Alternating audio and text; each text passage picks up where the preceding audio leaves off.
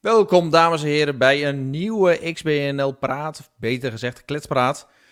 Vandaag gaan we het hebben over de tops en flops van Starfield. X gon' give it to you. Fuck, wait for you to get it on your own. X gon' deliver to you.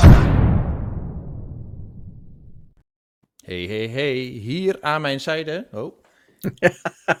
daar aan mijn zijde eh, staat Domingo. Hey Domingo, welkom. Hey, DF. Hey, en we gaan het vandaag hebben over het verboden fruit van de Oh. XBNL-redactie. we gaan eh, het hebben over Starfield.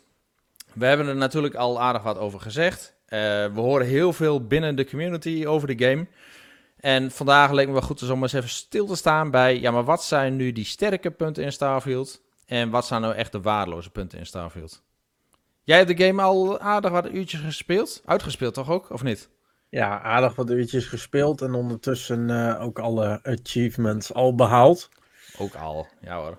Ja, dus eh, ik, eh, ik ben redelijk klaar met de game. Tenminste, tot de Nou. DLC komt. Oké, nou ja, ik zit er zelf ook al aardig wat uurtjes in. Ik ben nog niet aan mijn tweede playthrough begonnen, dus dat komt binnenkort ook wel. Maar desalniettemin genoeg om te mekkeren en over te praisen over de game. Eh, dus laten we maar beginnen bij de eerste. Ehm, als we nu beginnen bij de flops, hè, dan kunnen we gewoon een beetje opbouwen en dan kunnen we laag beginnen, hoog afsluiten met de tops. Eh beginnen met de eerste flop, Domingo. Wat heb jij? Eh, voor mij toch wel een, een beperkte vrijheid, zou ik dan als eerste eruit kiezen. Want, licht toe. Want je ziet toch al heel gauw dat hè, Starfield werd ooit aangekondigd met dat er duizenden planeten te verkennen waren. En eh, dat is ook wel zo, laten we eerlijk zijn. Er zitten echt heel veel planeten op die, eh, in die game. Planeten die soms ook gewoon random gegenereerd worden. Ehm, maar je ziet toch al heel gauw, weet je, dat elke planeet net even weer een andere soort van eh, ehm, ja, omgeving is. De ene is in de jungle, de andere is in een woestijn.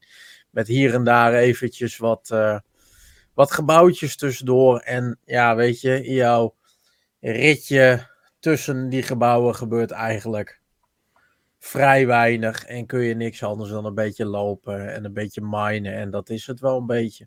Ja. ja, en als je daar een beetje doorheen prikt, en dat was natuurlijk ook al het gevaar, dan wordt de game toch een heel stuk kleiner dan, dan wat ze vooraf hadden gezegd. Hè? Je, dan, je verwacht natuurlijk veel, hè, je gaat gewoon naar een wille- willekeurig planeet en daar heb je een heel, ja, beleef je een heel nieuw avontuur. Ja. Eh, nou, dat gaat gewoon niet altijd op. Nee. En vaak niet op, laat ik zo zeggen. Nee. Ja. Eh, Oké, ja, brengt ons denk ik ook wel direct een beetje bij tweede eh, flop in die game. En dat is ja, inderdaad die planeten die gewoon random gecopy-paste worden. En gewoon ja, variaties van elkaar lijken.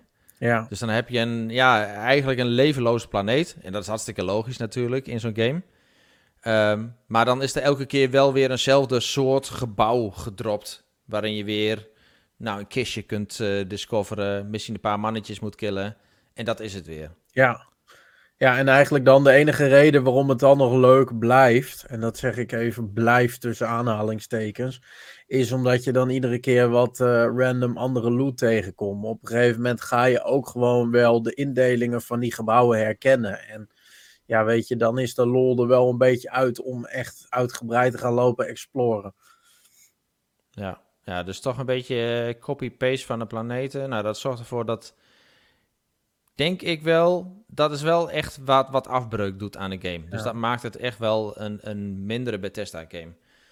Ehm, moet ik wel eerlijk zeggen, ik denk dat dat ook wel het grootste punt is. Want eh, als je kijkt naar eh, de andere ja, eh, flop, het andere floppunt wat we hebben, dan valt er nog enigszins mee te leven. Doet ook wel een beetje afbreuk in de game. Eh, maar dat gaat over het navigeren in de game. Ja. Dus ehm, ja, eh, eh, wat mij betreft hebben we dan over zowel het fast travel gedeelte als hoe het menu is ingedeeld. Eh, want fast travelen, we hadden het voor die tijd hadden we het er al even over. Jij zegt van ja, je moet elke keer ergens heen en dan word je daar gescand en dan moet je weer Ja. verder. Ehm, dus ja, dat is een beetje een raar mechanisme natuurlijk in een, in een space game. Dat je meer tijd spendeert in het menu om naar een andere planeet te reizen dan dat je echt bezig bent met je schip. En nou ja, ook echt, net zoals een Elite Dangerous, moet, uh, moet uh, graph jumpen en zo, dat soort zaken. Ja. ja. Ja, wat is jouw ervaring ermee? Ja, eigenlijk hetzelfde, weet je. je moet best wel vaak fast travelen. En, uh, deze game heeft af en toe best nog wel eens een keer even een laadschermpje. Ik wil niet zeggen dat die laadschermen explosief lang zijn, maar ze zijn er wel. Um, en moeten natuurlijk ook niet vergeten dat, um, ja, weet je, de vanuit voorgaande trailers in het begin voor deze game de uh, suggestie is gewerkt. Dat je gewoon letterlijk naar elke planeet kon travelen en dat je daar daadwerkelijk gewoon kon landen. Ik weet even niet welke game dat vroeger wel had, of dat nou Elite Dangerous of No Man's Sky was. Maar ja, is no, ja precies. Om. En, en laten we eerlijk zijn, men heeft de suggestie gewerkt in het begin dat dat ook bij deze game kon. En dat kan. Ja, ik vond dat de eerste keer dat ik dat zag, dan vond ik denk ik echt van ja, dat is echt wel jammer dit jongens. Ja. Want uh, ik had ook wel zo'n zo'n uh, No Man's Sky-achtige landing verwacht. Dat je, je zit in space, maar je kunt dus ook zo'n planeet kun je gaan ontdekken en helemaal scannen van Ja, alle kanten. Dan ging ik ervan uit van ja, dan kun je daar gewoon heen gaan. En dan kom je op een gegeven moment gewoon echt bij de servers uit. En dan kun je daar nog rond zweven met je schip en dan ergens een interessant punt ontdekken. Ja, precies. en dat je hem ja. daar neerzet. Ja, Maar eh, ja, het is echt. eh, ik ga naar de planeet, naar een, vooraf eh, gedefinieerde locatie. En dan krijg je een, een cinematic krijg je te zien. ja. Dat je schip landt. En dan zit je altijd op dezelfde plek. En dat, dat is het dan ook inderdaad. En ik denk om navigeren nog even door te pakken, wat deze game misschien ook wel had geholpen. Eh, je hebt soms ook wel momenten dat je ergens moet landen en dat je best wel even een stukje moet gaan lopen, omdat er gewoon een voorgeprogrammeerd landingspad in zit. Dat zie je dan met name bij de story. Het was op zich wel leuk geweest als je dan een soort van, ja, ik weet niet, autootje, eh weet je, zo'n rover had gehad, à Ja. la Mass Effect, dat je net Discovery. even wat sneller van punt A naar B eh, eh, weet te komen. In het begin is het natuurlijk hartstikke vet. Dan vind je het al, kijk je om je heen en dan denk je, oh, weet je, je kan alle kanten op springen. Geen zwaartekracht, noem maar op. Ehm, maar op een gegeven moment heb je dat wel gezien. En dan wil je gewoon snel van punt A naar B kunnen komen. Ja. Nou ja, wat ik heb gedaan, daarvoor is ook direct geïnvesteerd in de boost. En eh, de double boost. En dat je jetpack wat minder snel leeg gaat. Want dan kun je gewoon een stukje sprinten. Ja, Jumpen, boost, boost, boost. Zonder dat je CO2 opgaat en zo. En eh, dat helpt mij wel heel erg. En ik zou dat iedereen willen aanraden die nu, nu nieuw met de game staat. Want eh, ja, eerlijk gezegd, eh, ik zou het nog steeds iedereen wel aanraden om lekker met die game te starten. Want er zijn ook een paar hele goede punten in die game. Ja. Ehm, en ja, eentje wat mij direct opviel, zo, hè, ook bij de eerste paar minuten in de game, is... Hij draait echt rete soepel voor een Bethesda-game. En het klinkt een beetje als een raar punt, want dat verwacht je gewoon standaard van een game. Maar we kennen allemaal de vorige Bethesda-games, eh, Oblivion, Skyrim en ehm, eh, de Fallouts en zo. Weet je, altijd een beetje krakkemikkig, eh, ehm, ja, eh, gevoel in die game. Wat, dat, dat hij net niet helemaal lekker loopt en niet lekker geoptimaliseerd is. En dat had ik met deze game totaal niet. Dus hij, hij draaide als een zonnetje, zowel op de PC als op de Xbox. En ehm, ja, ik vind dat toch een, een pluspunt. Beetje, misschien een beetje raar, hè, maar ik vind het wel heel fijn dit. ja wat dat er gaat, is de game daar wel een ster in. Ja, En, dat eh, is inderdaad een heel, hele sterren, ja. Nee, maar ik denk dat wat nog wel gewoon het knapste hieraan is, is dat het. Natuurlijk, je merkt een verschil tussen PC en Xbox. Eh, PC is eh, natuurlijk 60 fps. Is net even wat soepeler. Maar eh, ook gewoon op de Xbox blijft hij wel gewoon steady. En daar waren heel veel mensen natuurlijk wel sceptisch over. Van, nou, dat ga je wel zien. En, en wordt dat wel stabiel? Maar ja, het is wel echt stabiel. Ja, precies. Ja, en dan krijg je ook eh, best wel leuke graphics voorgeschoteld. Althans, soms is het gewoon super kut. Hè, laten we eerlijk zijn. Sommige Ja. planeten zien er echt voor geen ene meter uit. Eh, als je sommige details kijkt, ziet er ook voor geen ene meter uit. De meeste NPC's zien er ook voor geen ene meter uit. Maar als je dat even buiten beschouwing laat. Het is eigenlijk een bonusflop, hè? Ja, ja, het is eigenlijk een bonusflap. De, de, de keerzijde is wel dat je echt fantastische mooie vista's krijgt over de ja, meest gevarieerde planeten. Met eh, ja, mooie sfeervolle belichting. En eh, ja, het, het, het, beeld, zeg maar, de, de, de beelden, de vista's die worden gecreëerd, vind ik echt wel super mooi. En dan met name in combinatie met die soundtrack. Soundtrack Ja. is er natuurlijk gewoon super goed in. Ja, en als je dan rondloopt op zo'n planeet en wat meer ja, gele gloed over de horizon, ja, dan is dat wel echt hartstikke mooi. Ja, eens. Ik vind eh, ook de sfeer die ze bij eh, al die steden hebben gebracht, die eigenlijk vrij snel ook gewoon herkenbaar is. Hè? Je hebt bijvoorbeeld Aquila, dat doet echt wel een beetje denken aan een, een soort van westerstadje. En je hebt Ja, daar natuurlijk ook een soort van cowboys in zitten. Je hebt eh, Neon, wat eigenlijk heel erg eh, lijkt een beetje op Cyberpunk, hè? waarbij echt de TL-verlichting eh, overal van je scherm afspat. En ja, natuurlijk ook vind ik zelf een van de mooiere steden. Dat is natuurlijk gewoon eh, New Atlantis. Wat eigenlijk gewoon de Imperial City van eh, Starfield is. Ehm, ja, dat zie je ook gewoon echt als je om je heen kijkt. Heel veel details, grote bomen, eh, watervallen.